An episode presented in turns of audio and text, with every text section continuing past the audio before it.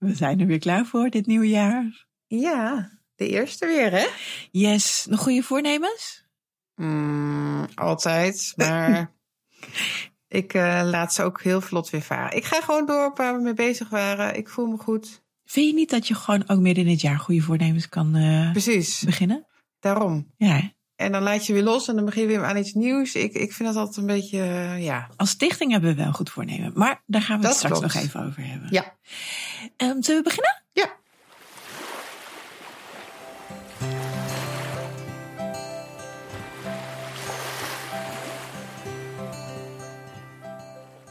Welkom bij het Verloskundige Baken, de podcast die een podium geeft aan innovatie en vernieuwing in de geboortezorg. Wij zijn Kirsten Schatwier. En Mirna Knol. En in deze podcast praten wij met de twee fertiliteitsartsen, Amber en Marjolein. En we gaan het hebben over hun beroep. Een portret van de fertiliteitsarts. Ja, het is wel heel erg leuk, denk ik. Want wij als verloskundigen zien natuurlijk die zwangeren Ja. als ze zwanger zijn. En hebben natuurlijk binnen een VSV en in die geboortezorgketen wat minder te maken met de fertiliteitsartsen. Dus ik ben reuze nieuwsgierig naar wat hun dag brengt. Precies. Wat ze doen, inhoud dus daarvan, maar ook dilemma's waar ze soms tegenaan lopen. Ja, en uh, nou ja, gewoon mooi om het, die start van de keten. Ja. Hè, de hele geboortezorgketen. We denken snel al, denk ik, althans laat ik het bij mezelf houden. Ik denk snel al bij zwangerschap van, nou hey, je wordt zwanger. Maar een heleboel zwangeren beginnen het eigenlijk al echt soms een jarentraject daarvoor. Precies. Dus wat dat betreft. Ja, dat horen we dan wel, maar ik denk dat het leuk is om uh,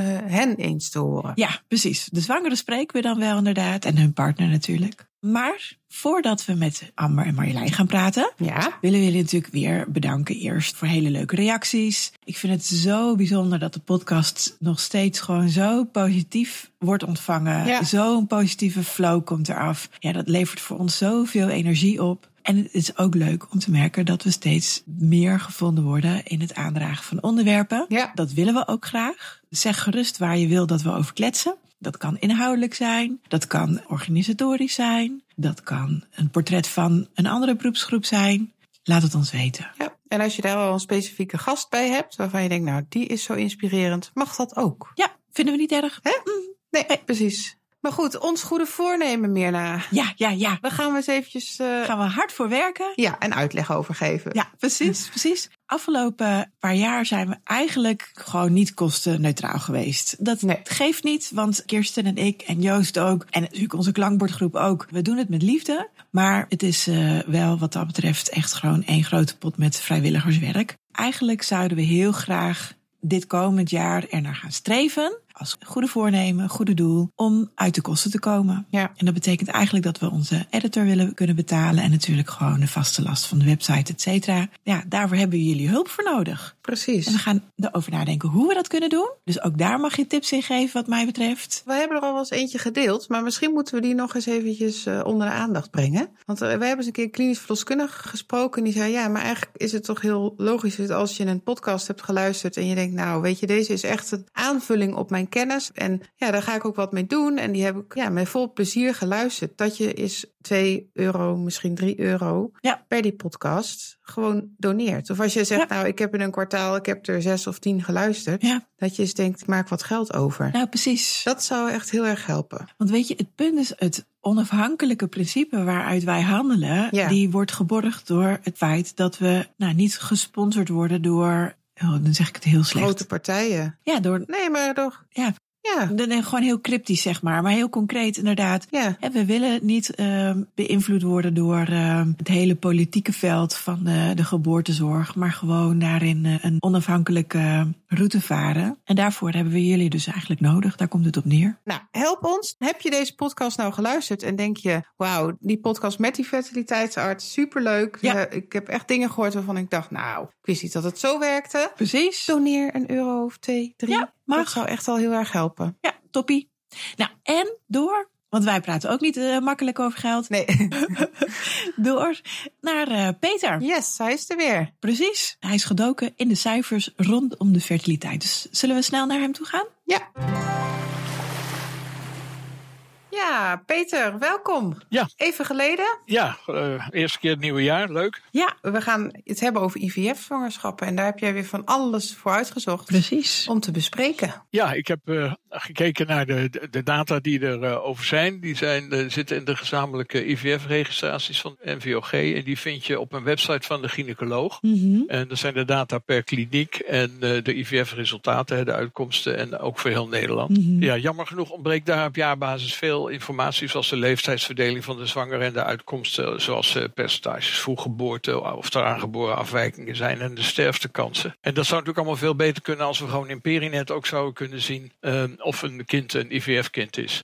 Wel is er in 2021 door te koppelen een artikel gekomen over Nederlandse IVF-resultaten over uh, 23.000 eenlingen IVF-kinderen. Mm -hmm. Over de periode 2000 tot 2020. En daar ga ik later nog kort uh, over in. Dat is best lang. Ja, dat heeft voor- en nadelen. Oké. maar in ieder geval redelijk recent. Dat is al. Uh... Ja, het is recent uitgekomen in 2021. Ja. ja. Het aantal IVF-kinderen die in Nederland IVF hebben gehad, dat stijgt al lang van uh, rond 3000 in 2002 tot uh, 5500 in uh, 2019. Mm -hmm. In dat coronajaar, dat is vrij logisch geweest, is dat ineens met 700 gedaald. En dat zal nu inmiddels wel weer zijn aangetrokken. Ja, precies. Dat heeft er natuurlijk mee te maken dat fertiliteit geen zorg was die moest om doorgaan, ja. zeg maar. Uh... Ja, en misschien mensen wat terughoudend zijn om naar een kliniek te gaan of andere problemen. Hè? Ik weet het niet. Nee. Maar goed, in die periode zie je dat het aantal IVF-meerlingkinderen heel erg sterk gedaald is. Van, uh, van 1650 in 2002 naar rond 300 tot 350 per jaar vanaf 2014. Mm. Het is nu een beetje stabiel, want er wordt steeds vaker één uh, embryo teruggeplaatst in plaats van twee. Mm. In totaal is in Nederland nu ongeveer 3% van alle kinderen een IVF-kind, maar dat percentage stijgt nog steeds. Dus eigenlijk is het zo dat zeg maar, het aantal kinderen wat geboren wordt stijgt natuurlijk. Maar dus Mhm. eigenlijk stijgt het fertiliteitskind, zeg maar, of het IVF-kind, percentage stijgt harder dan. Ja, dat stijgt gewoon harder. Ja. Oké. Okay. Uh, nou ja, we zouden dus graag weten hoe die risico's zijn. Omdat vooral uh, in het verleden waren het veel meerlingen. En Mm -hmm. meerlingen hebben een drie tot vier maal verhoogde kans op perinatale sterfte Ja. en andere ongunstige uitkomsten. Ja. En die sterke daling in die IVF-meerlingen heeft waarschijnlijk bijgedragen aan de daling van de Nederlandse perinatale sterfte tussen 2003 en 2015. Oké. Dus in die zin is dat wel een vermelden waard. Alleen Ja. op dit moment weten we nog steeds niet hoe het uh, precies is. Omdat we die koppeling met Perinet niet hebben. En wij met z'n allen maar denken dat het door de samenwerking kwam. Oh, Mirna. ja. Nee, er, kom- er waren meer dingen. Hè. Vrouwen zijn ook minder gaan roken. Er is meer samenwerking Oh, geweest in die periode. Goed dat je zegt. En we hebben natuurlijk ook de perinatale audit gehad. En nog wat andere dingen geweest. Ook betere behandelingen op de NICU's. natuurlijk, ik maak maar een geintje. Nee, ik, ik loop er even leeg. Dat artikel wat ik noemde, eh, dat laat zien dat de IVF-eenlingen tussen 2000 en 2020 dus wel een verhoogd risico hadden op eh, vroeggeboorte. Mhm. Eerder dan 37 weken en ook op extreme vroeggeboorte, eerder dan 32 weken. Iets hogere kans op aangeboren afwijkingen en op perinatale sterfte. En IVF van ingevroren embryo's gaf eh, lagere risico's dan met verse embryo's. Toch echt, ja, typisch. En dat zijn er echt significante verschillen dus, begrijp ik. Of het significant is, dat weet ik niet, maar er waren wel duidelijke verschillen, ja. Oké. Ja, Ja, daar zou een deskundige misschien iets meer over Ja. kunnen zeggen. Daar laat ik me niet over uit. Nee. oké. Kijk, die risico's hebben ook te maken met misschien wel met de leeftijd van de moeder. Die moeders waren met 34 jaar gemiddeld flink ouder dan gemiddeld. Mhm. En eh, die geboorterisico's die we in dat onderzoek zien, worden behalve door IVF ook bepaald door risicofactoren bij die moeders, hypertensie, diabetes, medische voorgeschiedenis en door bepaalde aan de IVF gerelateerde andere, andere ingrepen. Hm. Dus eh, ja, het heeft een verhoogd risico, maar waar dat precies van komt, is het niet, eh, niet helemaal duidelijk. Nee, Althans, precies, is, is precies. complex.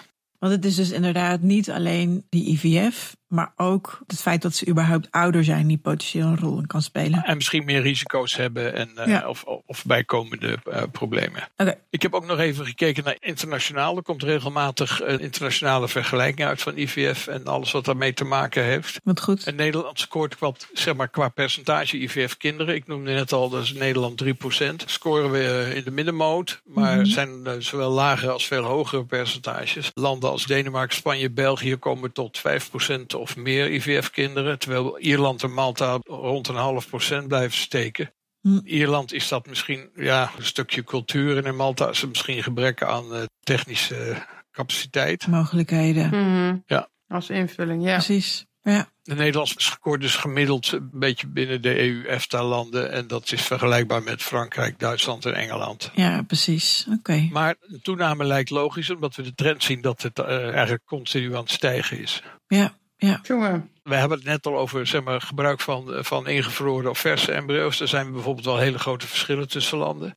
En uh, daarover zijn dus regelmatig internationale vergelijkende studies.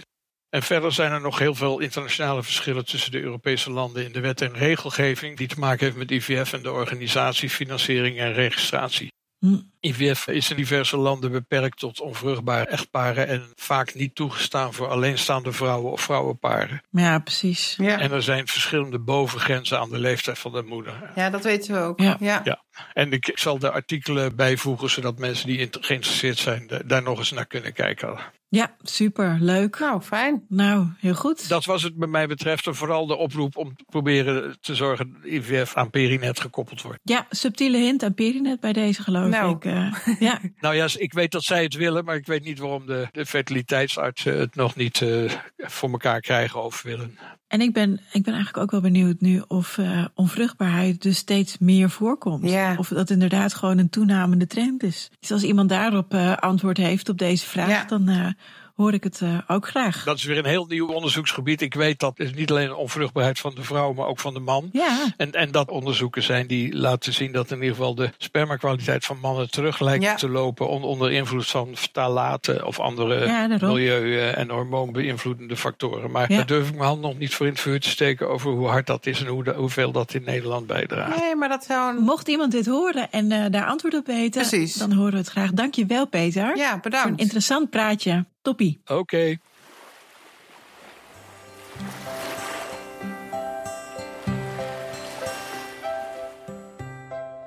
Laten we doorgaan naar het onderwerp van deze aflevering. Ja. We gaan praten met twee fertiliteitsartsen, Kirsten. Ja, leuk. Heel leuk. Daarvoor hebben we Amber en eh, Marjolein. Wat fijn dat jullie er zijn.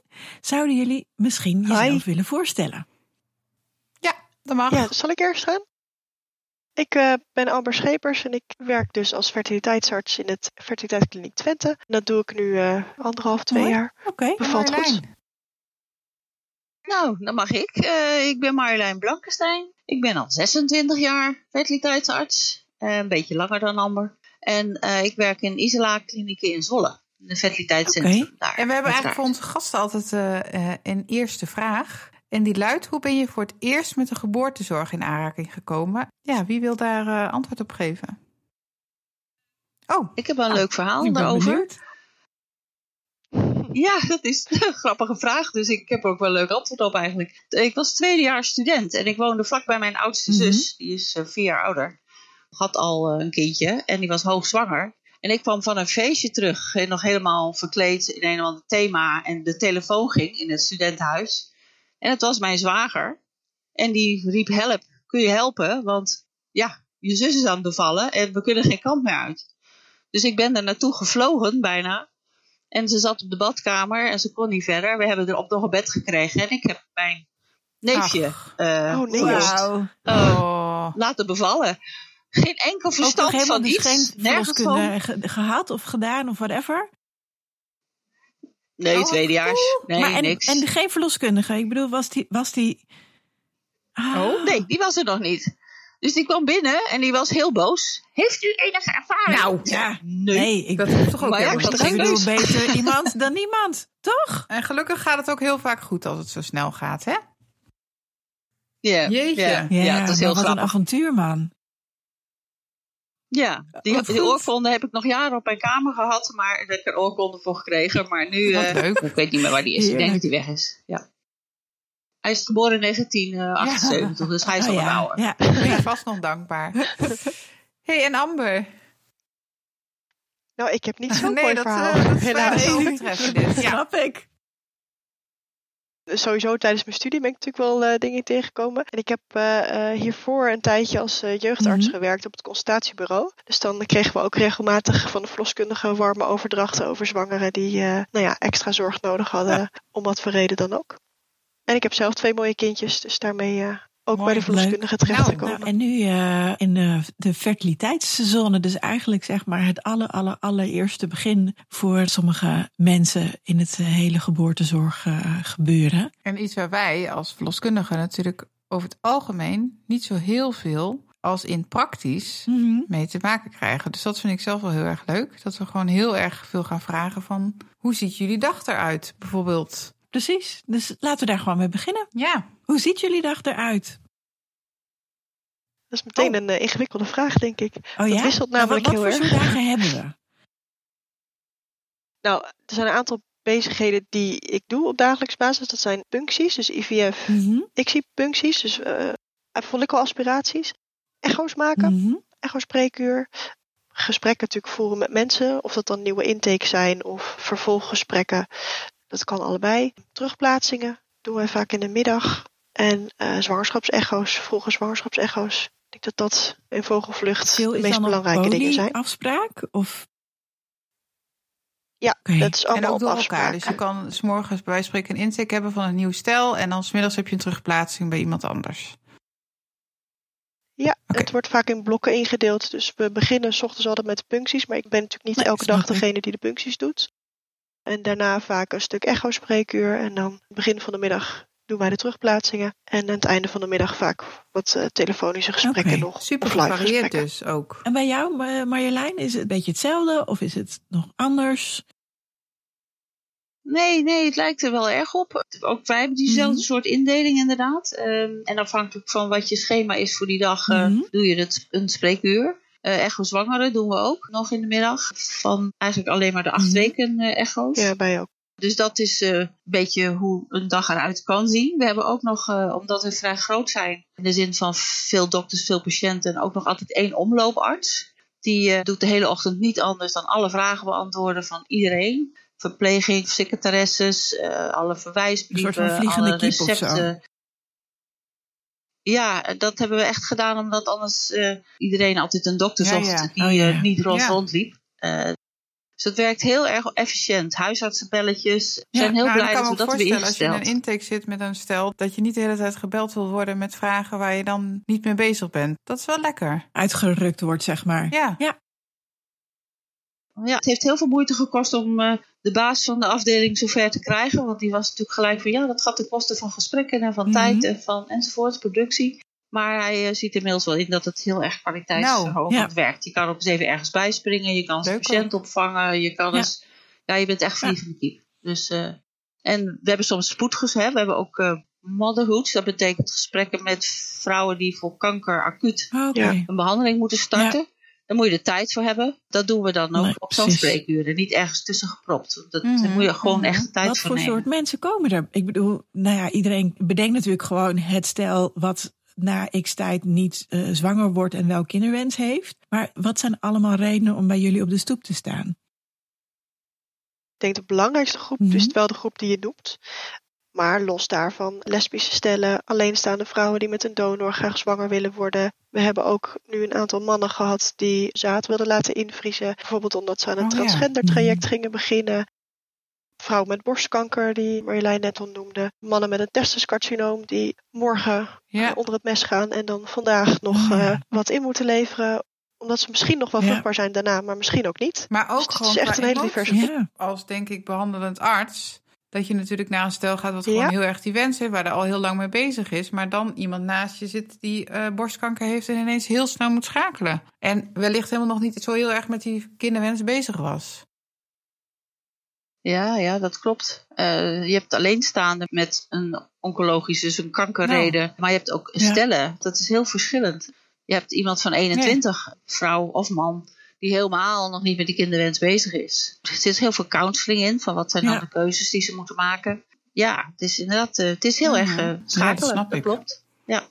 Maar dat is ook wel erg. je eh, werkt als fertiliteitsarts, denk ik, in een team van andere fertiliteitsartsen. In hoeverre hebben jullie te maken met, met diensten? Nou, ik bedoel, wanneer iemand zijn ijsprong is, je kan natuurlijk wel een beetje soort van gokken. Maar Snap je een beetje wat ik, waar ik naartoe wil? Of, of is het zo dat alles redelijk planbaar is? Of hoe? Nee.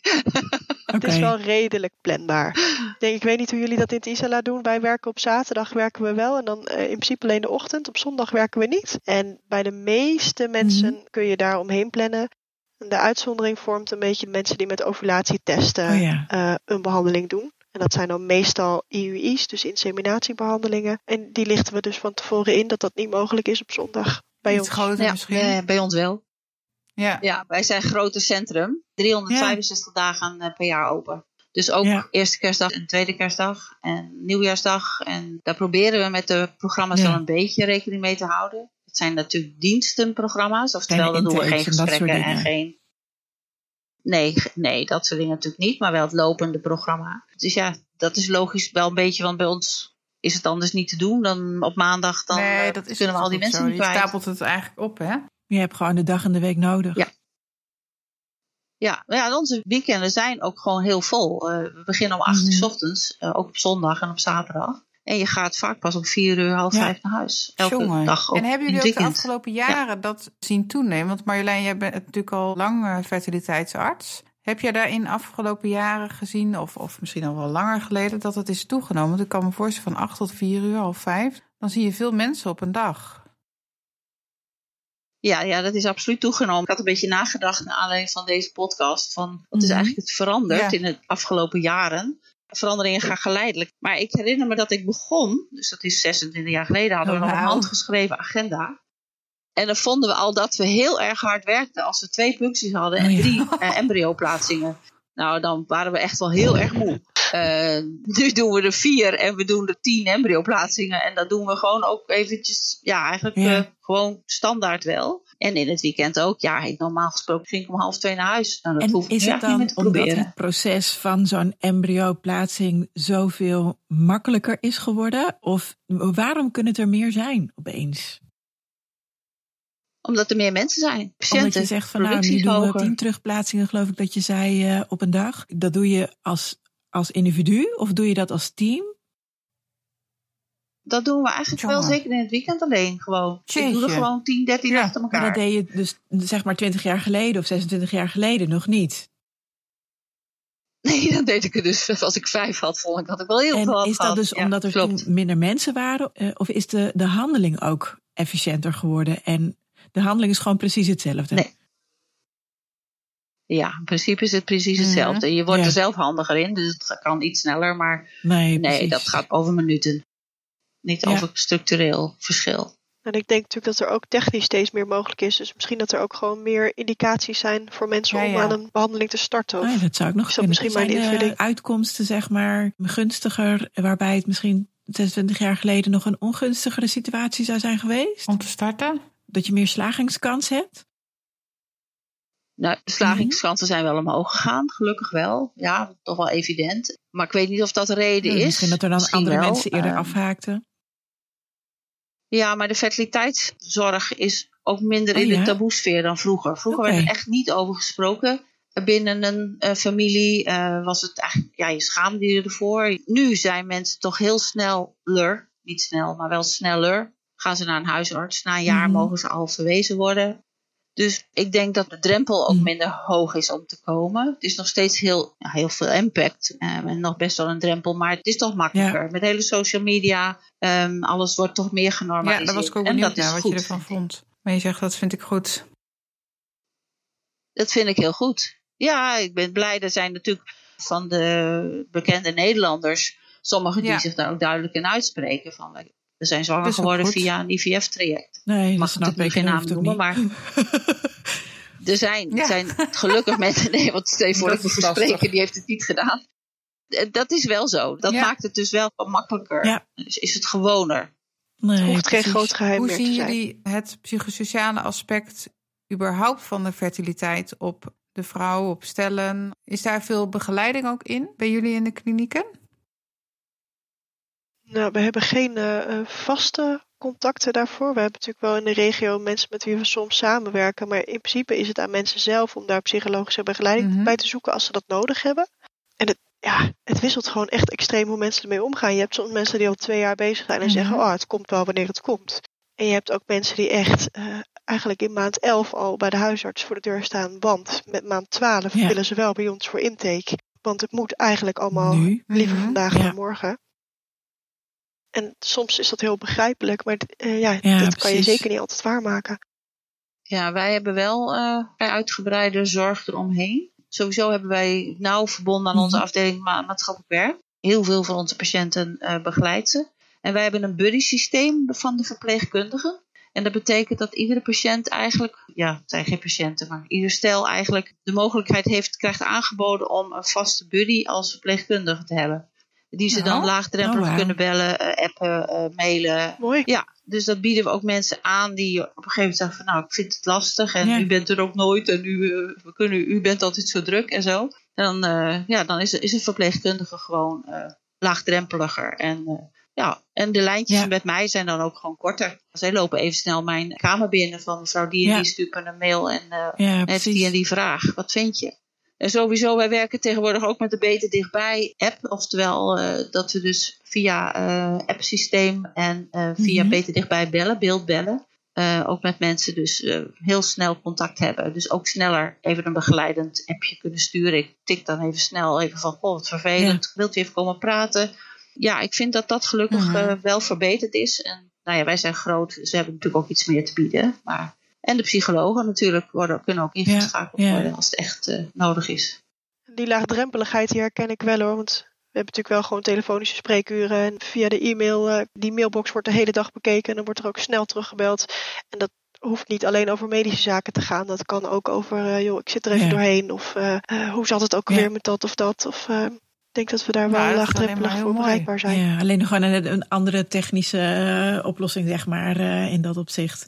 We horen dus eigenlijk van, nou, er Ja. zijn verschillende blokken, we doen verschillende dingen, we doen dus die terugplaatsingen, hè, om nog even echt terug te gaan naar je vak en waarom je er uiteindelijk voor gekozen hebt om fertiliteitsarts te worden. Wat maakt het leuk? Wat maakt dat jij naar je werk gaat en denkt, ik hoop tenminste dat jullie naar je werk gaan en denken, yes. Maar als iemand erover begint, dat Ja je dan hoor, een twinkeltje nog in je ogen krijgt en dat je denkt, ja, dit wil ik, want ik zie allebei nu twinkelen. Mhm.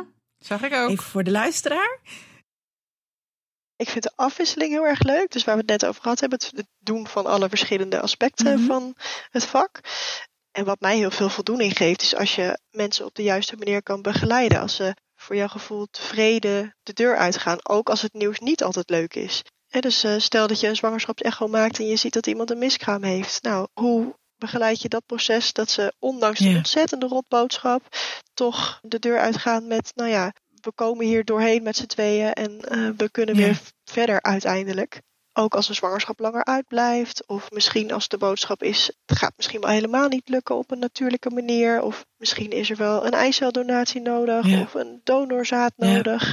Eh, dus geen biologisch eigen kinderen. Het zijn echt niet altijd Nee, leuke gesprekken die we voeren. Maar dus eigenlijk is de uitdaging om die gesprekken dan zo fijn en zo goed mogelijk te voeren.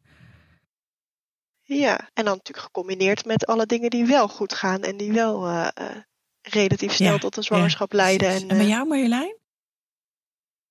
Ja, nee, dus, daar kan ik me mee aansluiten. Ik vind Mhm. het heel prettig om in een team te werken. Ik ben helemaal geen Einzelganger, dus dat vind ik heel, ja, heel waardevol. Dat Ja, je ja. elkaars kennis en know-how kan gebruiken. Eh, ik heb Mhm. leuke collega's is heel belangrijk. Ik ben Zijn wij inmiddels ook al wel even 26 jaar af en oud. toe, hè? absoluut. Ja, Ja, dat zeker. maakt en breekt Ja. je dag hoor, echt waar. Mensen vragen wel eens aan mij van, nou, het moet wel een vak zijn waar je heel veel beloning krijgt van mensen die zwanger worden. Ik zeg nou, de beloning bij mij zit hem in, als we niet zwanger worden, dat wil je natuurlijk liever niet, maar als dat zo zou zijn, dat ze tegen u zeggen, dank u wel, het is naar Mhm. en we nemen nu afscheid. Ja, Eh, maar ik heb me altijd gehoord gevoeld. Ja, heb me geen nummer gevoeld. Eh, u had tijd voor ons eh, en alle andere redenen. Maar eh, dat is toch wel voor mij waar ik, ik het ook doe. Mijn kinderen zeggen wel eens: Mama, het is je passie. Ja. En dat is het eigenlijk ook. Je, je moet dit echt gewoon leuk vinden. En anders Ja. is het, je moet er een klik mee hebben. Er zijn mensen die snappen niet waar we het over ja hebben. Die precies. vinden er helemaal niks aan. Ja, mooi. Maar het is echt een passie. Eigenlijk heel mooi dat je dit Onder zo andere. zeggen. En heb je ook wel eens momenten dat je denkt van... oei, dit vind ik even heel lastig. eh, een ethisch dilemma of een, een moment dat je denkt... ai, dit gaat een beetje tegen mezelf in. Allebei geknikt, duidelijk herkenning. Vertel eens. Ja. Oké. Natuurlijk, ja.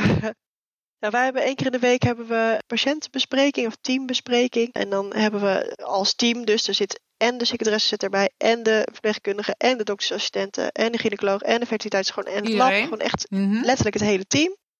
Waar dus dit soort dingen besproken kunnen worden. Dus als ik een patiënt voor me heb gehad waarvan ik denk, nou, ik weet niet of het nou verstandig is om een traject met deze mensen aan te gaan. Of ja, het kan een hele simpele vraag zijn, het kan een heel Mhm. ingewikkeld ethisch dilemma zijn. Dat bespreken we daar elke week met het hele team, zodat daar ook als Ik heb wel eens een mensen die advies komen dan uitkomt. met een IVF-zwangerschap. en dan denk ik, oeh, ja, weet je, daar zit er best wel heel veel zorg al op. Je bedoelt concreet de mensen dat er veilig thuis al op zit? Of ja, bijvoorbeeld. Of qua leeftijd. Of en dat je denkt, oh jeetje, is er in die kliniek aandacht aan besteed? Maar jij zegt eigenlijk van ja, dat, dat bespreken we uitgebreid.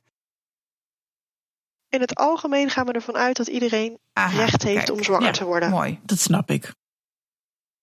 Want ook als wij er niet tussen zouden zitten, zouden deze mensen waarschijnlijk Zwanger kunnen ook worden. zwanger ja, zijn geworden. precies. Ja, dat snap ik wel. Maar goed, daar zitten inderdaad soms aspecten aan waar we over na moeten denken. Dus, hoor ik. Ja, mooi. Ja. Qua verschuiving, want ik hoorde ook eh, gender en, en genderneutraliteit en dat soort zaken. Dat is natuurlijk iets wat eigenlijk de laatste nou, jaren steeds meer eh, in de openbaarheid is gekomen. Andersoortige gezinnen. Gezinnen die eh, bestaan uit, eh, weet ik veel, lesbisch stel en een, en een homo-stel die dan co-ouderschap doen of verzin het maar. Merk je daar nog verschil in, in als je naar het verleden terugkijkt en naar het nu? Dat daar een, een, een verschil in eh, beleid is geweest? Of is dat eigenlijk altijd prima geweest? Of is daar ook, ook bijvoorbeeld in wat er vergoed wordt, eh, wat er mogelijk is, verschil in beleid eh, geweest? Is er een tijd, ik, ik heb geen idee hè, dus Nee, nou, dat is ook een lastige vraag. Maar er is natuurlijk een enorme ontwikkeling wel in geweest. Als je kijkt naar hoe helemaal in het begin eh, dat ik werkte, hadden we wel nou, donorinseminaties bij vooral vaak paren eh, waarvan de Mhm. mannen geen sperma hadden, dus niet vruchtbaar waren. En nou, mensen die waren Mhm. geen alleenstaande nog in die tijd, helemaal in het begin, maar wel lesbiennes, Mhm. voor zover ik me kan herinneren, moet ik heel diep graven. Die dus met donorsperma werkten. Maar er is een eh, embryo-wetgeving gekomen waarbij je dus niet mag discrimineren op alleenstaanden En wanneer is die op gekomen? lesbiennes. Dus dat, ja, dat moet je de Nee, klinische vragen. Dat is helemaal goed. Ja. Oh, Volgens mij Amber, 2004 uit mijn hoofd. Ik was al bang dat je Ja. dat soort vragen ging vragen. Ik weet alleen dat het, het hele anonimiteit en de niet anoniem van donoren Ja. was in 2003, 2004. Dat klopt. Nou ja, eigenlijk het antidiscriminerende Gaan we wet, opzoeken. dat weet ik niet. Komt dat is een goed. andere wet. mhm. Dus dat is veranderd. Nu lopen er natuurlijk inmiddels in de landen discussies over eh, of je mee wil werken aan homoparen met draagmoederschap. Nou, dat, dat doen wij niet en dat doen jullie doen volgens jullie dat dan niet omdat het weer Eh, een andere tak van sport is met andere soortige begeleiding? Of Ja, nou, het, het heeft juridisch en eh, psychologisch nogal wat Uitdagingen. eh, eh, hoe noem je dat? Eh, uitdagingen, inderdaad. En dat, dat, dat moet je heel goed af, aftimmeren. Dan moet je Ja. psychologisch heel goed screenen.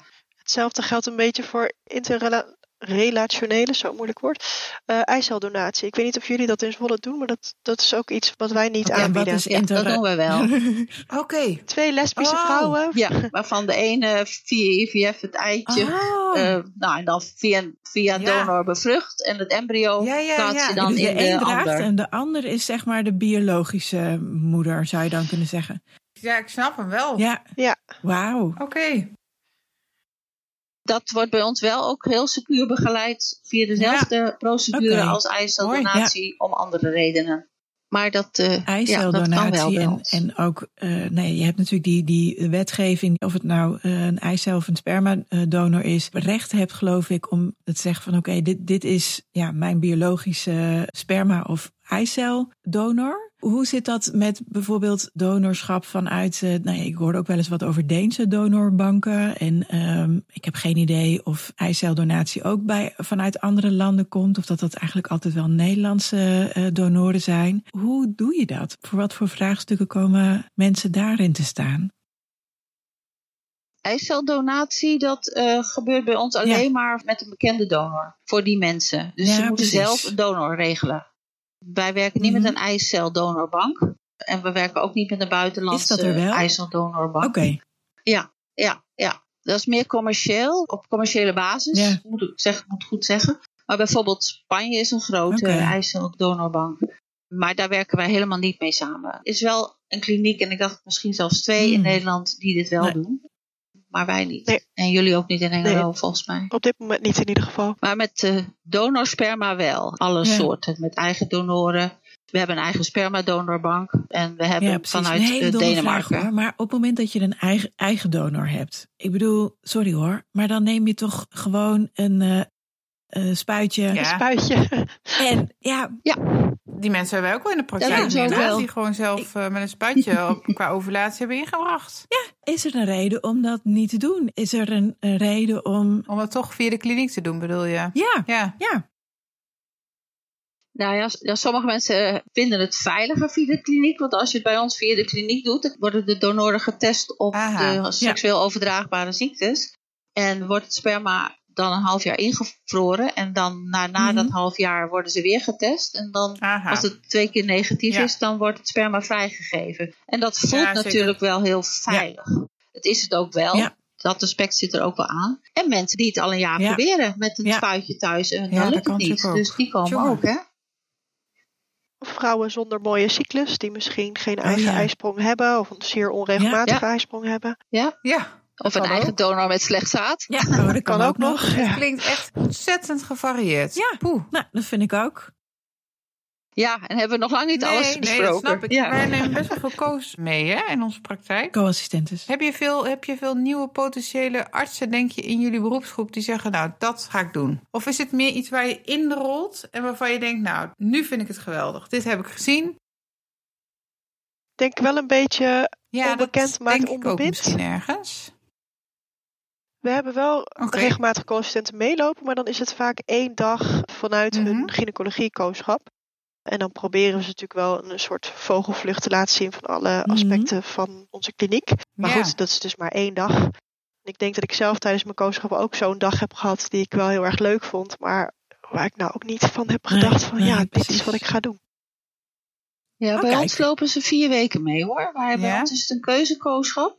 Eh, niet Mhm. verplicht. Ja, dus ze mogen ervoor kiezen. Je hebt meerdere Ja. keuzes kooschappen in het curriculum. Ja, er zijn gewoon co-assistenten. En dat gaat vaak wel een beetje mond-op-mond reclame. Want wij zijn wel een beetje een andere soort afdeling dan Ja. een interne geneeskunde of een chirurgie of wat dan ook. Wij drinken toch dan voor hun gevoel wat vaker koffie of zijn wat gezelliger of...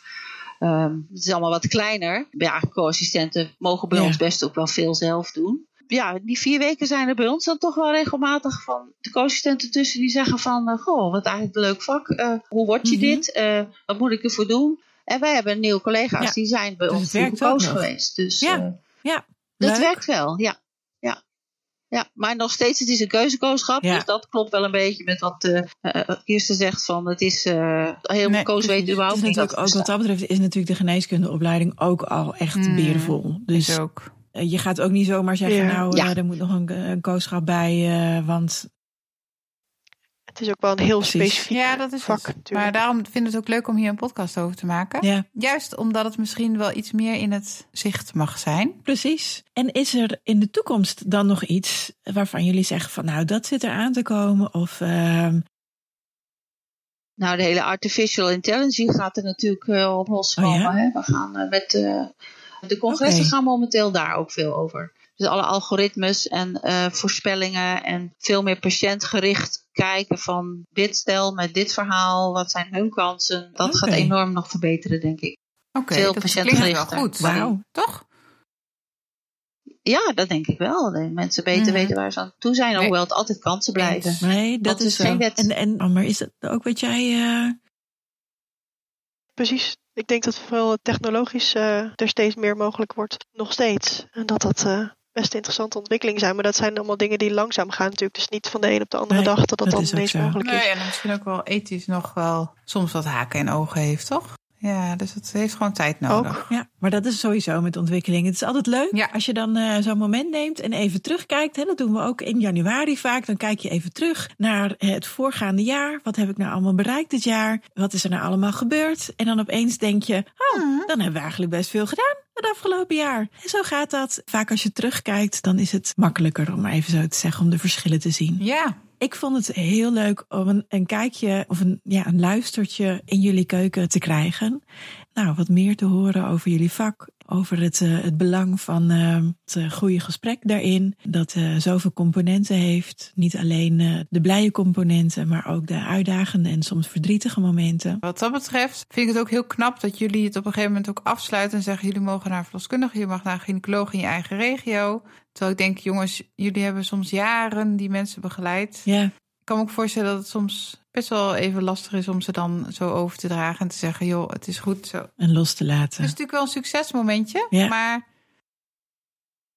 We krijgen vaak ook veel bedankjes en veel eh, geboortekaartjes. Ja, en, goed eh, zo. terecht. Ja. Leuk. Ja, Een heleboel leuke dingen ook. Nou, en heel af en toe Ja. vloeit er ook nog wel eens een traantje. Als Nou, echt mensen ik, heel ja. lang bij je geweest zijn. En het lukt wel. Oh, dan eh, ben ik ook Ja, wel zo mooi. emotioneel nog steeds. Ja. ja, het is zeker een vak Mooi. van passie, ja, hè? dat hoort erbij. Dank jullie wel. Ik vond het ook erg leuk om, eh, om het met jullie eh, te mogen doen. Zeker. Graag gedaan. Dankjewel. Dank jullie wel.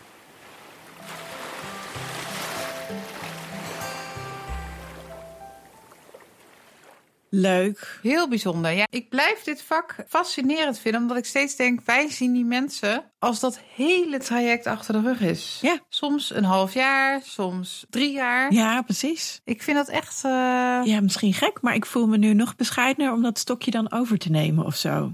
Nu ik dit allemaal gehoord heb. Wat bedoel je? Nou, gewoon, ik bedoel, ik had bijna de neiging om tegen ze te zeggen: wat een eer dat ik dan dat stokje van je over mag nemen. Ja, aha. Die zorg van die zwanger Ja. op dat moment. Ja, Ja, dat is mooi dat je dat zegt. gewoon om dus, nou, wat ik ook al zei, die twinkeling in de ogen. En ja, Ik vind het wel eens mooi hoor, dat mensen dan bellen en zeggen: ja, we mogen ons bij jullie aanmelden. ja. En dan zeg ik: nou, dat is geweldig. Ja, want ja, we hebben best wel lang traject gehad. En Mhm. Maar ja, we zijn zwanger en het ziet er goed uit. En, en ze zeggen eigenlijk in de kliniek van we mogen naar de verloskundige. En ik kan het nog bijna niet geloven. Ja, Hoor je er dan achteraan, toch? is toch prachtig? Ja, eens. Nee, dat het is mooi dat je dat zegt, Mirna. Dat we het over mogen Ja. nemen. En, eh, En dan weer verder mogen zorgen of zo. ja, en mensen, hoe gelukkig ze dan zijn en dankbaar. Ja, maar ook gespannen. Tuurlijk. Ik vind ook heel vaak dat mensen die een fertiliteitstraject achter de rug hebben, nou toch wel echt een bepaalde soort van onbevangenheid, Mhm. ja, misschien daarmee verloren hebben of zo. I don't know. Terwijl ik ook wel zeg van het zwanger worden, dat was een probleem. Maar dat is heel wat anders dan het zwanger zijn. Ja. Want nu ben je het. Ja. En dat kan je lichaam misschien heel goed. Ja. Ja, dat is, Dat gaan we ontdekken. ja. Blijft gewoon geboortezorg aan zich. Leuk. Van begin tot het eind. Ik vind het ook leuk dat we hebben natuurlijk het ook over anticonceptie gehad. Mhm. Maar ik vind het ook leuk, hè, dit, is, dit zit natuurlijk ook in dat hele vroege stukje Ja. van eh, onze keten, onze geboortezorgketen. Zeker. Leuk. En heb je dit nou geluisterd en denk je, oh, maar ik wil een keer een kijkje nemen in de keuken van de puntje, puntje, puntje, puntje, puntje. Weet ik veel. De ziekenhuismanager, de ambulanceverpleegkundige, ehm Ja, alles wat met geboortezorg in aanraking komt eigenlijk. zorgcoördinator in het ziekenhuis. Dat kan ook nog. Lac- nee, lactatiekundige hebben we al gehad. Ja. We hebben van alles. Dus Ja. wat dat betreft eh, kunnen we nog heel veel portretten maken. Laat het vooral weten als je denkt, eh, Zeker. dit is nog leuk. Bedankt Amber, Marjolein, voor het hele interessante gesprek. Ja. En natuurlijk onze eh, Joost Dikker-Hupkens voor zijn technische ondersteuning. En het team van verloskundige baken Karika van Hemert, Jolanda Liebrechts, Rachel Rijntjes, Esther Feijen de Jong, Marlou Dankers en Manon Vriezen. En onze aller, aller, allernieuwste aanwinst, Suzanne Uiterwaal. Ja, Suzanne, onze VIO, verloskundige in de opleiding. Precies. Superleuk. Dank dat je erbij bent. Ook dank voor jouw eh, inbreng in de klankbordgroep, want dat vinden we heel erg leuk. Precies. Nou, wil jij ook in de klankbordgroep? Ja, Meld je aan. Laat het weten. kom maar op. Wees welkom. Samen wordt het altijd beter. Dan denk je gewoon, eh, ik vind het leuk om te reageren. Dat vinden wij ook leuk. Ja. Dan eh, vind je ons natuurlijk op onze website, maar ook op Instagram, Facebook, LinkedIn, Twitter, noem maar op. En wij blijven natuurlijk een stichting en dus open voor elke vorm van sponsoring. Via Petje Af of via de donatieknop op onze website of via de Instagram. Dank voor het luisteren. En eh, tot over twee weken.